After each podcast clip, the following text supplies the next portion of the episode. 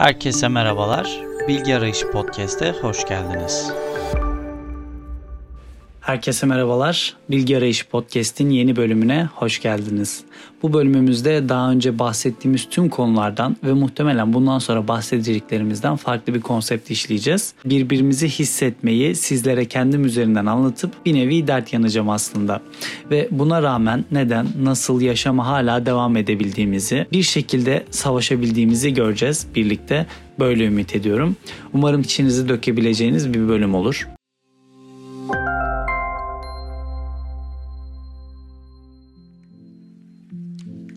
Bölümümüze başlamadan önce Spotify Wrapped ile elde ettiğim ve beni podcast'imize devam etmeye teşvik eden gerçekten duygulandığım bir takım istatistikleri sizlerle paylaşmak istiyorum.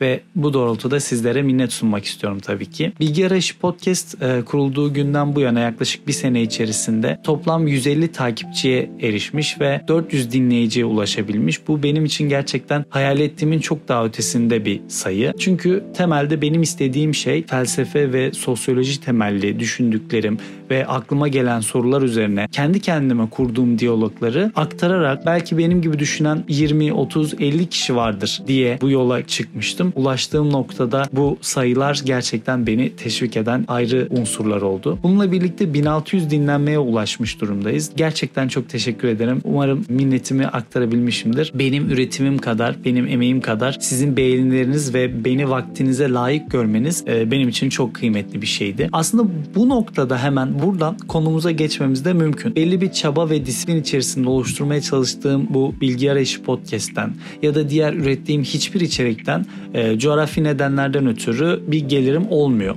Ve bu da benim için aslında burayı daha samimi kılan öğelerden biri haline geliyor. Çünkü buna bir iş olarak değil, siz yüzlerce arkadaşımla bir araya gelip oluşturduğumuz bir düşünce formu olarak bakabiliyor bu sayede. Çünkü bir iş olsaydı farklı duygular yaratacağı için ben de şu an daha ziyade sizinle sohbet ediyormuşum gibi bir hissiyat içerisinde oluyorum. Konuşmalarımı her ne kadar ana başlıklar olarak hazırlasam da sabit bir metne kalmaktansa doğaçlama ilerlemeyi tercih ediyorum. Bu da sizlere anlattıkça zihnimde yeni düşüncelerin dallanıp budaklanmasını mümkün kılıyor ve sayısız diyaloglar oluşturmasını sağlıyor. Birçok yüksek veya orta gelirli içerik üreticisinin aksine gündelik hayatta hepimizin muzdarip olduğu ve maruz kaldığı noktalardan beslenmem de bu sayede mümkün oluyor tabii ki. Bu podcast'i düzenli olarak dinleyecek nitelikte kendini belirli bir noktaya kadar getirebilmiş dinleyicilerimle benzer hisleri tadıyorum ve tabiri caizse zihnimde aynı canavarlarla savaşıyorum. Sizi hissediyorum en temel ve en sade söylemle. Aşırı derecede klişeleşen sizden biri ya da biz bir aileyiz gibi kalıplardan çok daha öte benzer depresif atakları yaşıyorum ve benzer bunaltılar içerisinde kalıyorum ve bunları yaşadığım için belki de beni dinlemeye devam ediyorsunuz. Size neyin ne olduğunu ahkam kesmektense tamamen deneysel olarak kendi sonuçlarımı, bu yaşadıklarımda nasıl hareket ettiğimi, neleri doğru neleri yanlış gördüğümü size aktarıyorum ve bu da belki beni samimi kılan öğelerden biri haline geliyor. Belki para olsaydı bu işin ucunda ya da para olunca bu işin ucunda bu kadar samimi gelmeyebilir ki ben de birçok kişiyi takip ediyorum, dinliyorum. İşin içerisine para girdiği zaman samimiyet farklı bir boyuta taşınıyor. Biraz da o kişinin mesleği olduğu için dinleyicide de bir ön yargı oluşabiliyor podcaster'da ya da içerik üreticisinde de farklı bir yaklaşım oluşabiliyor. Bunun olmaması bence şu ana kadar geldiğimiz noktada bu meditasyonun en güzel yanı oluyor. Kendi aramızda bir e, üstünlük hissi olmuyor. Tamamen herkesin eşit söz hakkına sahip olduğu ve sizin istediğiniz gibi bana ulaşabildiğiniz güzel bir aslında düşünsel platform yaratmış oluyoruz. Anlatıcıyla dinleyici arasında herhangi bir dikte bir üstünlük mekanizması kurulmuyor. Aynı veya benzer arayışlar içerisinde olan insanların benzer bir yol çizmesi tamamen bundan ibaret. Birlikte düşünebilmekten ibaret. Biraz önce bahsettiğim istatistiklerden birçoğumuzun da ben de dahil olmak üzere metropollerde yaşadığını görebiliyorum. Bence metropollerin zaten farklı bir aura denir ya hani farklı bir hissiyatı oluyor. Çin'de yaşayan insanlara yarattığı farklı bir e, hava bulunuyor. Bu metropoller binlerce insanın sürekli hareket halinde olduğu, nefes alan, yaşayan ve giderek büyüyen şehirler ve bu şehirlerden biz birbirimize bağlanıyoruz.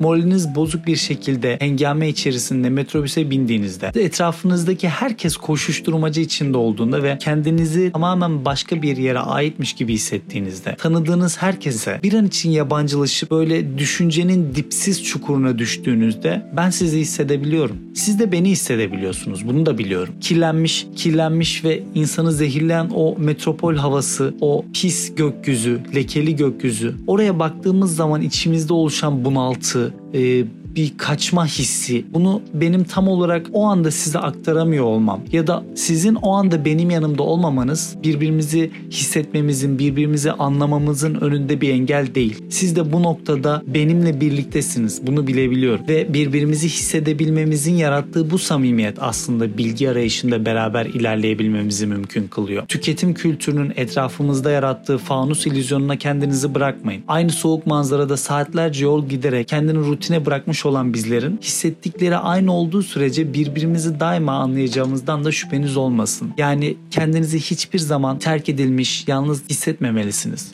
Çünkü hepimiz böyle hissediyorsak demek ki hepimiz ortak bir noktada buluşabiliyoruz. Ve umutsuzluğa kapılmadan önce düşünün. İnancınız her ne olursa olsun bir noktadan sonra varacağımız sonuçların hepsi birbiriyle aynı olacak. Yaşamlarımızda bazı şeyleri değiştirebiliriz.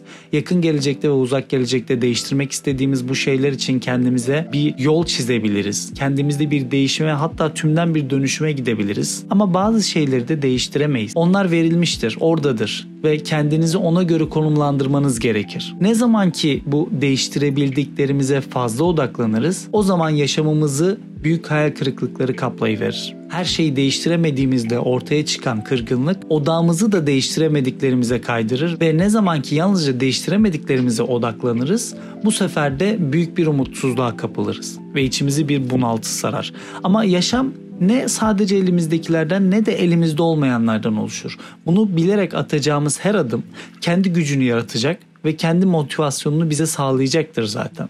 Karşımıza çıkan tüm sonuçlar yaşamın kendisi geleceğin ise nedenleri olarak karşımıza çıkmakta. İçine düştüğümüz bu döngüyü kırmak hayal kırıklıklarımıza son vermek ve bu sonuçlardan bir şeyler elde edebilmek tamamen bunları nasıl yorumlayacağımıza, geleceğe dönük olarak kendimizi nerede konumlandırdığımıza bağlı olarak değişir. Bu yüzden sizlere çok sevdiğim bir grup olan Pentagram'ın e, kendime hayat mottosu edindiğim bir sözünü söylemek istiyorum. Bununla yavaş yavaş bölümümüzün sonuna gelmek istiyorum. Umudum sonsuzdur, uğraşım bitmez hiçbir zaman. Çünkü umut çizeceğimiz yolun ışığıdır tepemizde bulunan ve yolun belli bir kademesine kadar görmemizi sağlayan bir meşale niteliğindedir. Umut gittiği zaman hangi yolda olduğumuzun veyahut da yolu nasıl çizdiğimizin önemi kalmaz. O yolu göremedikten sonra karanlıklara boğulmanın yarattığı his zaten sizde gitme isteğini ortadan kaldıracaktır.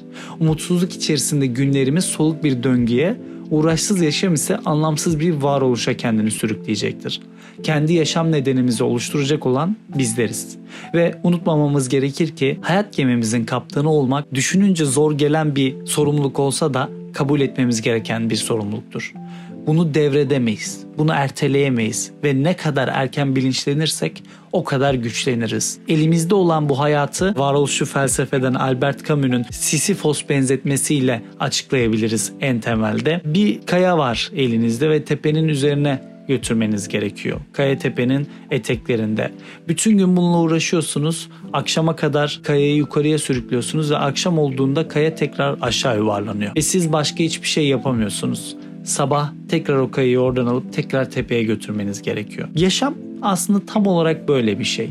Bu absürtlük içerisinde o kayayı aşağıdan yukarıya taşırken Sisyphos'u mutlu hayal etmemiz gerek diyor Albert Camus. O Sisyphos'u nasıl mutlu hayal edeceğiniz ve o yaşama ne anlam vereceğiniz işte sizin elinizde bulunan en büyük lanet ve aynı zamanda en büyük lütuf, en büyük hazine. Hepinize dinlediğiniz için çok teşekkür ediyorum ve harika istatistikler için de ayrıca minnettarım. Umarım sizleri çok sıkmamışımdır, bunu atmamışımdır. İyi ki varsınız. İyi günler diliyorum.